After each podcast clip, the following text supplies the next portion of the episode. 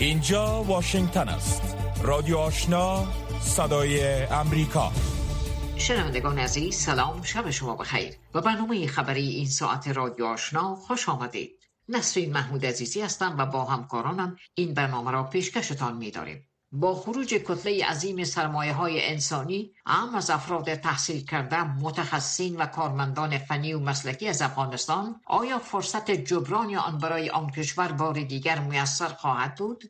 برای جزئیات بیشتر این برنامه را دنبال نمایید. اما نخواست همکار ما رویا زمانی با مشروع خبرها. با تقدیم سلام. در آستانه یک سالگی بازگشت طالبان به قدرت گروهی از سناتوران امریکایی از منشی عمومی سازمان ملل متحد خواستند تا طالبان را به خاطر نقض دوامدار حقوق بشر افغانها حسابدهی قرار دهد.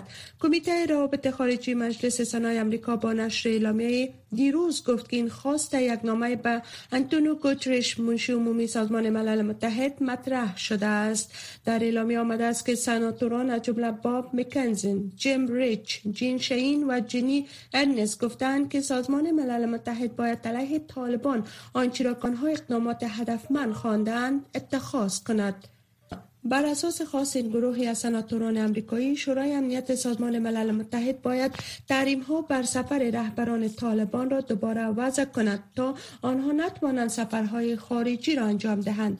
انتظار می رود که شورای امنیت سازمان ملل متحد در ماه آگست احتمال تمدید استثناء در محدودیت سفر رهبران طالبان را بررسی کند. اما به گفته سناتوران امریکایی این استثناء باید تمدید نشود مگر اینکه طالبان به گونه فوری و چشمگیر حقوق زنان و دختران افغان را رعایت کنند. محدودیت سفر رهبر طالبان در سال 2019 به دلیل اشتراک آنها در مذاکرات سال رفع شده بود. حکومت طالبان تا هنوز در مورد این نامه سناتوران امریکایی واکنش نشان نداده است. دونالد ترامپ رئیس جمهور پیشین ایالات متحده رئیس جمهور جو بایدن را بر تسلیم شدن در افغانستان و اجازه دادن بر روسیه برای تهاجم بر اوکراین متهم کرده است. دونالد ترامپ که شکست در انتخابات سال 2020 برای نخستین بار روز سهشنبه به واشنگتن برگشته بود با اشاره به وضعیت افغانستان و اوکراین در یک سخنرانی به حامیانش گفت در صورت که وی رئیس جمهور می بود هیچگاهی به چنین چیزی اجازه نمی‌داد. آقای ترامپ گفت ما یک ملت هستیم که در افغانستان تسلیم شد و ایستاد سربازان و اتباع امریکایی و تجهیزات به ارزش 85 میلیارد دلار را پشت سر رها کردیم. ما ملت هستیم که به روسیه اجازه دادیم تا اوکراین را ویران کند و صدها هزار نفر را بکشد و این کار بدتر خواهد شد. در صورتی که من سرقماندان اعلای شما می بودم هیچگاهی چنین چیزی رخ نمی‌داد. تصمیم خروج ایالات متحده از افغانستان را حکومت دونالد ترامپ در ماه فبروری سال 2020 با امضای یک توافقنامه با طالبان اعلام کرد اما این روند در زمان ریاست جمهوری جو بایدن تکمیل شد. ترامپ همواره جو بایدن را به دلیل چگونگی خروج از افغانستان مورد انتقاد قرار داده است. اما رئیس جمهور بایدن ضمن دفاع از پایان دادن طولانی ترین جنگ ایالات متحده گفته است که نمی‌خواست این جنگ را برای جمهور آینده این کشور به میراث بگذارد. آقای بایدن همواره گفته است که توافقنامه دوها را که بر اساس آن قوای امریکایی از افغانستان بیرون شد از حکومت دونالد ترامپ به ارث برده است. دفتر هیئت معاونت سازمان ملل متحد در افغانستان یا یونما گفته است که در جریان ملاقات دو جانبه سرپرست یونما با نمایندگان کشورهای اشتراک کننده در نشست تاشکن روی ادامه حمایت از افغانستان در تلاشهایش برای دستیابی به ثبات و شگفت‌های اقتصادی اجماع وجود داشت. یونما دیروز در تویتر نوشته است که این ملاقات در حاشیه نشست تاشکند پایتخت ازبکستان صورت گرفت. کمیشنری عالی سازمان ملل متحد در امور پناهجویان گفته است که برای 11 هزار فرد زیان دیده از زلزله ماه گذشته در ولایت های خوست و پکتیکا سرپناه موقت فراهم کرده است. این اداره به نقل از تاکاشیما یومیلیکو یک از مسئولان یو گفت که در نظر دارند تا برای این افراد خانه های نو بسازند. در نتیجه زلزله مرگبار که در ماه سرطان سال جاری خورشیدی رخ داد بیش از یک هزار تن جان باختن و هزاران خانه تخریب یا ویران شدند. خبرها را از امواج رادیو آشنا صدای امریکا دنبال می کنید در حالی که سیلاب های ناشی از باران های موسومی در پاکستان جان 140 نفر را گرفته است تیم های نجات برای انتقال صدها گیرمانده در ایالت بلوچستان از قایق ها و هلیکوپترها استفاده می کنند اداره مبارزه با آفات طبیعی پاکستان گفته است که از تاریخ 14 ماه جون به این سو باران های موسومی پل ها جاده ها و در حدود چهار هزار منزل مسکونی را در این ایالت تخریب کرده است. جزیات بیشتر را از سهر عظیمی مشنوید این اداره همچنان افزوده است که 337 نفر در حوادث مرتبط با بارانها در سراسر پاکستان جان باختند. اکرم بکتی یکی از مقامات نجات گفته است که صدها نفر تنها در ساحه لا سویلا پس از آن گیر ماندند که سیلاب ها وارد چندین قریه شد. او افزود که حکومت بلوچستان با آسیب دیدگان مواد غذایی، خیمه و سایر مواد ضروری را فراهم می کند. سازمان جهانی صحت میگه در جریان همین هفته کمپاین واکسیناسیون ضد کالورا را به هدف جلوگیری از شیوع امراض ناشی از آب آغاز کردند. در ماهای اخیر هزاران نفر در ایالت بلوچستان به بیماری کلرا مبتلا شده و از این میان 28 نفر پس از ابتلا به این بیماری جان باختند. های موسمی در پاکستان به گونه معمول از ماه جولای تا سپتامبر ادامه دارد. ادنا رسانه دولتی ایران روز پنجشنبه گزارش داده است که ایران پنج نفر را به اتهام ارتباط با سازمان جاسوسی اسرائیلی یا موساد بازداشت کرده است. این دومین قضیه در چند روز گذشته است که گزارش می شود روز چهارشنبه وزارت استخبارات ایران گفت که مامورین مرتبط با موساد که هفته گذشته دستگیر شدن نیز اعضای کمله یک گروه مارکست است که به دنبال خودمختاری برای مناطق کردنشین شمال ایران می باشند نیروهای روسی امروز پنجشنبه حملات راکتی گسترده را بر مناطق کیف و چرنیف اوکراین آغاز کردند. مناطقی که از هفته ها به این سو هدف قرار نگرفته بودند. این حملات در حال گزارش می شود که مقامات اوکراین از عملیات برای آزاد کردن یک منطقه اشغالی در جنوب این کشور خبر دادند. اولیکی والی منطقه کیف در تلگرام خبر داده است که یک شهرک در ولسوالی ویشگورد منطقه صبح امروز هدف قرار گرفت که در آن از تخریب زیربناها گزارش شده اما مشخص نشده که آیا تلفات جانی را هم در پی داشت یا خیر. از هم والی چرنیف گزارش داد که چندین راکت از قلمرو بلاروس بر روستای اونچاریسکا پرتاب شده است. آلمان اقدامات را برای کاهش استفاده از انرژی به دلیل ثباتی در آینده تأمین نیازمندی گاز در آن کشور آغاز کرد. کشورهای اروپایی مانند آلمان که از گاز صادر شده از روسیه استفاده می‌کردند تصمیم گرفتند تا برای کاهش وابستگی خود به گاز روسیه استفاده از گاز را در کشورهای خود کاهش دهند. روسیه صدور گاز که به کشورهای اروپایی من حیث آله برای اعمال فشار بر کشورهایی که تهاجم روسیه را بر اوکراین تقبیح کرده است استفاده می کند. امروز در شهر کلن مردم مقدار گاز را که برای سیستم آب گرم کن خود در طول شب استفاده می کردن کاهش دادند تا از گاز کمتر برای گرم کردن آب در طول شب استفاده شد افزایش قیمت گاز نیز یک از دیگر از دلایل کوشش مردم برای کاهش استفاده از گاز در آلمان است رسانه های دولتی کره شمالی امروز پنجشنبه گفتند که کم جونگ آن رهبر این کشور هشدار داده است که آماده است از های هسته‌ایش در درگیری های نظامی احتمالی با ایالات متحده و کره جنوبی استفاده کند. اظهارات کیم به سربازان سابق جنگ در مراسم تجلیل 69 مین سالگرد پایان جنگ 1950 تا 1953 شبه کوریا شبه کوریا بیان شد که به منظور افزایش وحدت داخلی در آن کشور فقیر در میان مشکلات اقتصادی مرتبط به همهگیری ویروس کرونا بود. این در حالی است که ناظران می‌گویند که به طور فزاینده رقبای خود را با سلاح ای تهدید کرده است. اما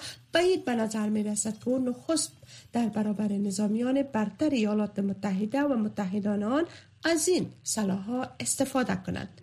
باشندگان شهر صدر در عراق امروز پنجشنبه به تهاجم معترضین بر امارت پارلمان عراق و منطقه سبز در بغداد که دیروز به وقوع پیوست واکنش نشان داده و برخ از آنها آن را اشتاریه به حکومت و پارلمان آن کشور روی انتخاب محمد السودانی نمزد حزب ائتلافی خواندند که گفته می شود از احزاب شیعه مذهب مورد حمایت ایران حمایت می شود و مسکو امروز پنجشنبه تایید کرد که در حال گفتگو با واشنگتن. در مورد تبادل احتمالی زندانیانی است که در آن قضیه یک قاچاقبر روسی سلان نیز شامل است. تا حال هیچ توافق مشخصی در این مورد صورت نگرفته است. شنونده های محترم این بود مشروع خبرها تا این لحظه. از امواج رادیو آشنا صدای امریکا.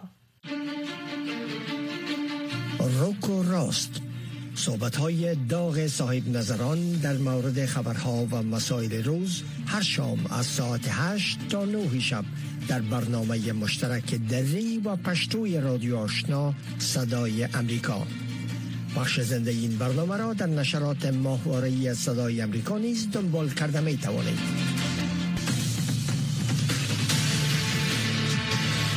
شنوندگان عزیز اخبار افغانستان منطقه و جهان را از رادیو آشنا شنیدید. آن هم توجه نمایید به گزارش هایی که برای شما برگزیده در حالی که سازمان های بین المللی هر ماه در مورد گسترش فقر و گرسنگی در افغانستان هشدار می دهند برنامه جهانی غذای سازمان ملل متحد در افغانستان گفته است که به 172 میلیون دلار کمک مالی فوری نیاز است.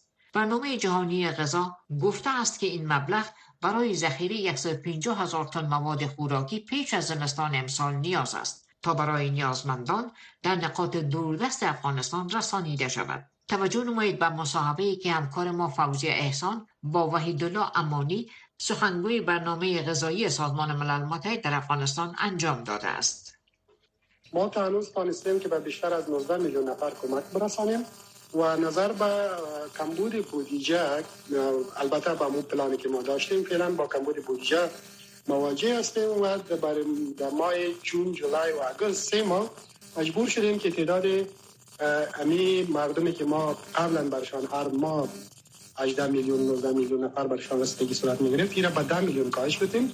ولی البته این موقتی است برای سه ماه که طوری که گفتم از جون تا آگست و بعد از او باز پلان داریم که چون ماه زمستان که شروع داریم مردم بیشتر نیازمند می باشند ضرورتشان زیاد می باشند دوباره این ارقام پلان ببریم تا به هر ماه 15 میلیون نفر برسانیم. به این اساس این بخش از امو بودجه است که ما در اوایل سال تقاضا کرده بودیم. و بخشی از این هم حدود 172 میلیون دلار است که ما به شکل فوری نیاز داریم. و او به خاطری است که ما بتانیم پیش از رسیدن زمستان در مناطق دوردست افغانستان مناطق کوهستانی مانند واخان و بدخشان و دروازها و ولسوالی دروازها و اینا ما بتانیم مواد غذایی را در اوج ذخیره بکنیم تا مردمی که در طول زمستان نیازمند مواد غذایی میشن همون نیازهایش هم تا اندازه ما بتانیم مرکوز ساخته باشیم. سو 172 میلیون دلار عاجل کار است تا ما بتانیم از این موقع استفاده کنیم. پیش از رسیدن زمستان پیش از اینکه راه مواصلاتی و مناطق دوردست بسته شود بنابر اولین برفباری و ما تانسته باشیم که اون موادی که 150 هزار متر مواد است مواد غذایی البته او را ذخیره کرده باشیم و در ضمن در حدود یک میلیارد دلار در مجموع نیاز است تا ما مطابق پلان خود بتانیم تا ختم سال با کمک های خود طوری که پلان است. برشان رسیدگی صورت بگیره و مردمی که نیازمند هستند اونا کمک ها را به دست بیارن.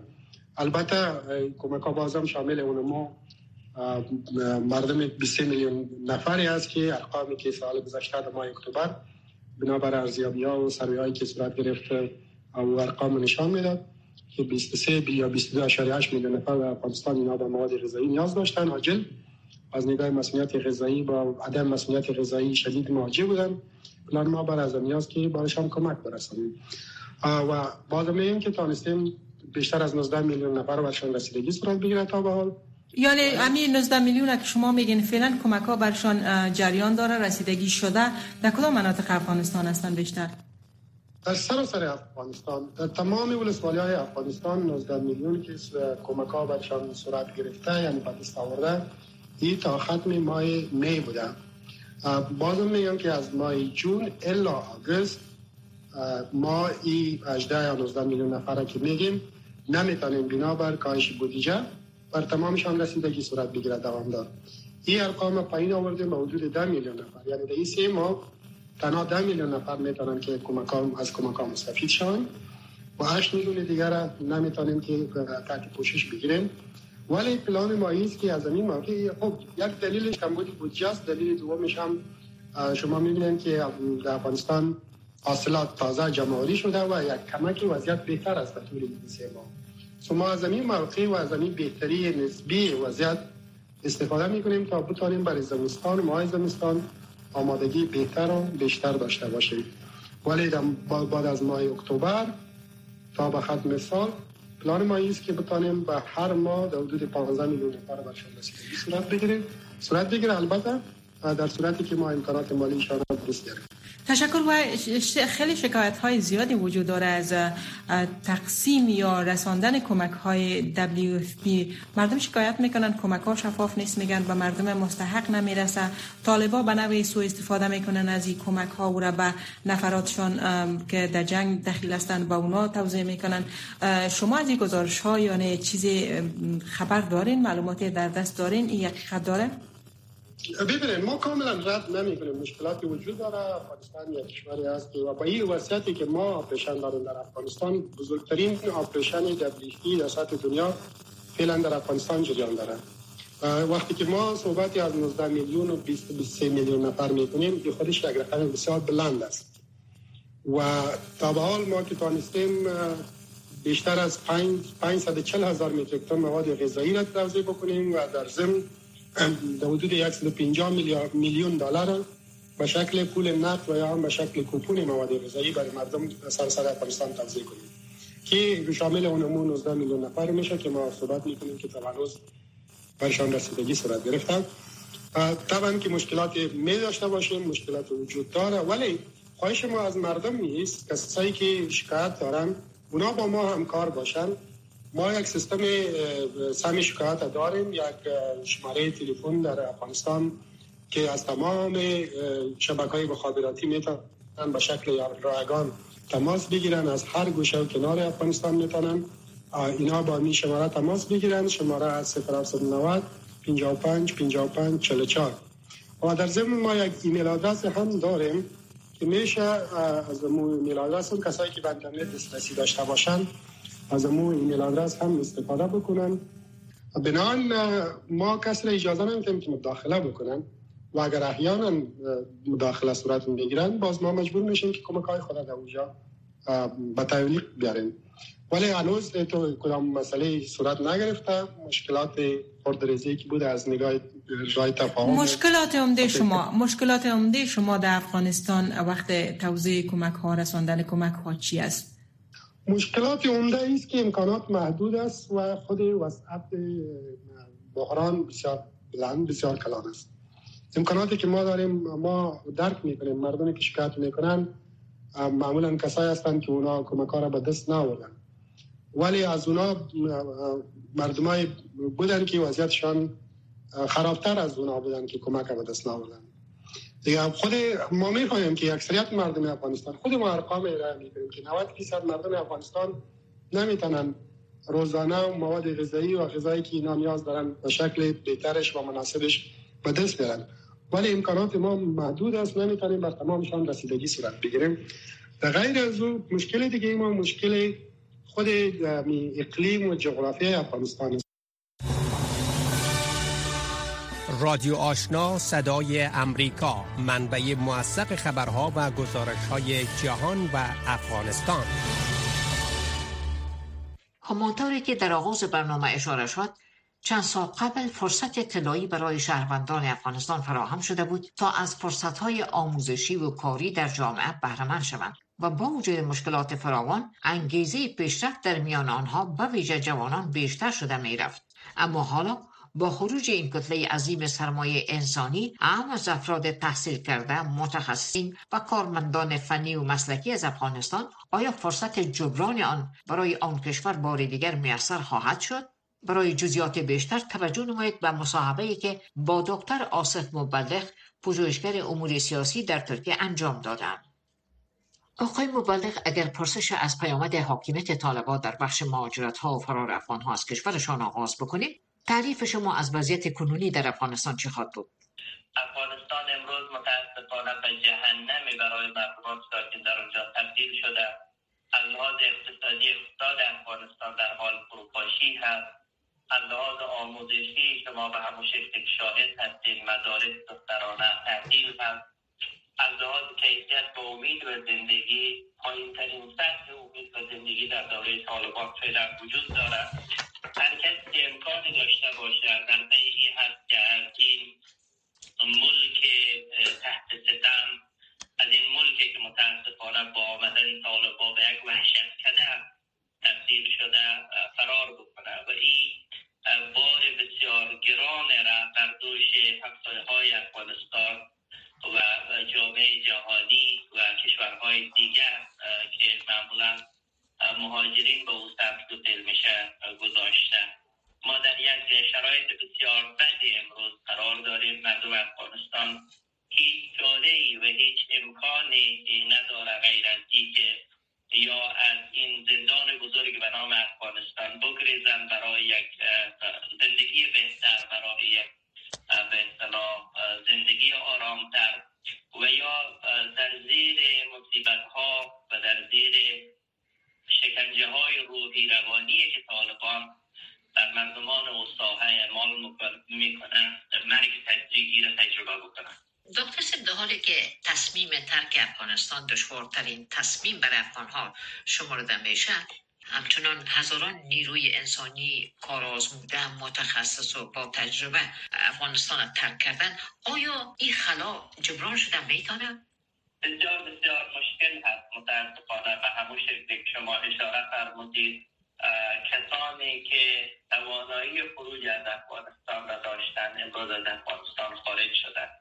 تمام نیروی جوان افغانستان نیروی فکری افغانستان نیروی بالنده و شکوفای افغانستان که امید می‌رفت که با تکیه به این جوانا و به این نیروهای فکری ما بتانیم برای افغانستان یک آینده متفاوت را رقم بزنیم امروز از افغانستان خارج شده و یا در حال خارج شدن و یا حتی نیروهایی که امروز در افغانستان باقی مانده اساسا با تفکر طالبانی فرصتی برای کار کردن برای بالندگی برای شکوفایی به اونا باقی نمانده. بنابراین یک شرایط بسیار سختی هست که من فکر می‌کنم که تا کسی او وضعیت را و او اتمسفر را تجربه نکنه توصیفش بسیار مشکل هست. اما کسانی که حاکمیت طالبان را تجربه کرده و صحبت می‌کنم دقیقا متوجه میشین که چی یک دهشت جدیدی متاسفانه در افغانستان به وجود آمد به نظر شما برای احیای این خلا آیا امکانات میسر شده می‌تونه؟ اگر می‌تونه در چی شرایطی؟ من فکر می‌کنم که با حاکمیت طالبانی با گسترش تفکر طالبانی در جغرافی های افغانستان فرصت برای نسل نو نخواهد بود فرصت برای نسلی که دگراندیش باشه نخواهد بود فرصت برای نسلی که به بالندگی افغانستان فکر بکنه نخواهد بود چون اساسا تفکر طالبانی با هر گونه تغییر با هر گونه بالندگی با هر گونه رشد مخالف است شما امروز متاسفانه قوانین دست پاگیری را که طالبان داره و مردم افغانستان تحمیل می‌کنه را شاهد هستید. هر گونه حرکتی که از او بوی تحول بیاید هر گونه حرکتی که از او رشد و شکوفایی باشد به بهانه مخالفت با شریعت به اصطلاح با مخالفت میشه بنابراین تصور منی هست که در تحت زعامت به حاکمیت طالبان به تفکر طالبانی امیدی به تحول در جامعه افغانستان نمیشه داشت متاسفانه. مگر اینکه مردم افغانستان برای یک مبارزه طولانی علیه تفکر طالبانی و علیه طالبان و علیه حاکمیت طالبانی بسیج شوند و این هم مسیر دور درازی هست. اما اگر امروز شروع بکنه مردم افغانستان برای این مبارزه یک روز پیشتر به جامعه خودشان میاندیشن جامعه که نوشتش به دست خودش تعیین میشه. جامعه که در او رشد وجود داره جامعه که انسانی هست. جامعه که در او زنها می‌تونه حق حیات داشته باشه اقلیت های مذهبی می‌تونه حق حیات داشته باشه اگر امروز این مبارزه رو شروع بکنه یک روز زودتر به او دست پیدا خواهد کرد.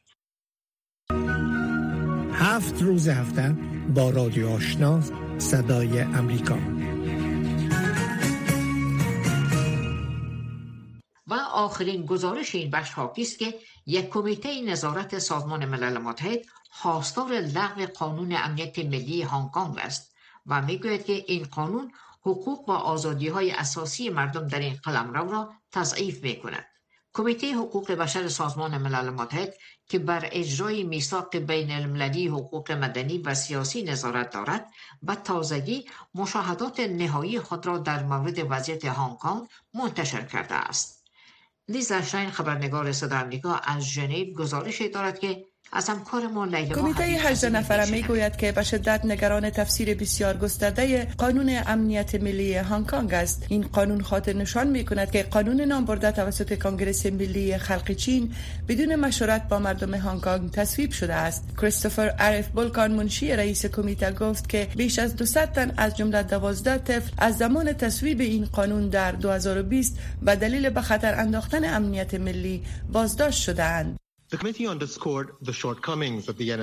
کمیته بر کاستی های NSL یا نامه امنیت ملی یک احضاریه اداری که توسط ایالات متحده غرض جمهوری اطلاعات برای اهداف امنیتی ملی می باشد به شمول عدم وضاحت در واژه و اصلاح امنیت ملی و امکان انتقال دوسیه ها از هنگ کنگ به سرزمین اصلی چین تاکید می کند که یکی از کشورهای طرف میثاق برای تحقیق تعقیب محاکمه و اجرای مجازات است. بریتانیا در سال 1997 کنترل هنگ کنگ را بر اساس اصل یک کشور و دو سیستم به چین واگذار کرد. این توافقنامه که در قانون موسوم به قانون اساسی گنجانده شده است از حقوق مانند آزادی بیان و تجمع در قلمرو به مدت 50 سال حمایت می کند چین 23 سال پس از تصویب قانون امنیت ملی را جاگزین این توافقنامه کرد. هنگ کنگ بر مبنای قانون اساسی یکی از امضا کنندگان میثاق بین المللی حقوق مدنی است. به این ترتیب بالکان می گوید که این سرزمین باید به تعهدات حقوق و آزادی های مقرر در سند پابند باشد. اگرچه چین یکی از طرف های میثاق نیست اما او می گوید که حقوق بشر مندرج در این معاهده بسیار مهم است. او می گوید که قوانین محلی نمی تواند از حقوق بشری و جهانی که در این توافقنامه حمایت شده است عدول کند. NSL ابزار تحقیقاتی مجری قانون شبیه به احزاریه است و معمولا توسط FBI صادر می شود NSL برای به دست آوردن اطلاعات از شرکت ها به عنوان بخش از تحقیقات مربوط به امنیت ملی مورد استفاده قرار می گیرند بالکان اضافه می کند در کنار این صلاحیت ها ادعا می کند که مایل است آن برتری را نادیده بگیرد یا می تواند تهدید کند و این یکی از نخستین دلایل است که ما خواستار لغو آن هستیم زیرا با حفظ حقوق و آزادی های مندرج در این میثاق سازگار نیست این کمیته در مورد تأثیر وحشتناک NSL روی سازمان های جامعه مدنی ابراز نگرانی می کند. این اعلامیه بیانگر آن است که بسیاری از اتحادیه های کارگری و اتحادیه های محصلان که تحت تهدید قانون قرار دارند یا نقل مکان کردند یا فعالیت خود را متوقف ساختند. کارشناسان مستقل خاطر نشان می سازند که دولت هنگ کنگ تضمین ارائه نکرده است که نمایندگان جامعه مدنی که در بررسی شرکت کرده اند از اتهامات ناشی از NSL محافظت می شوند یا خیر آنها می گویند که از مقامات خواستند که آنها را تحت پیگرد قانونی قرار ندهند.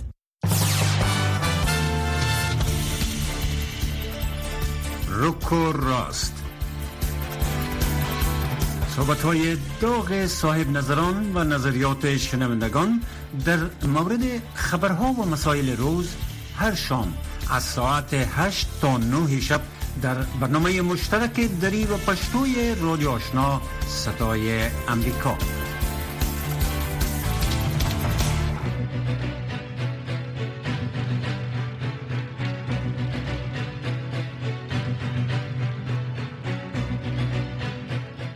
شنوندگان عزیز این بود داشته های این برنامه خبری که در همین جا به پایان رسید. اما نشرات پشتو و دری رادیو آشنا همچنان ادامه دارد. با ما باشید.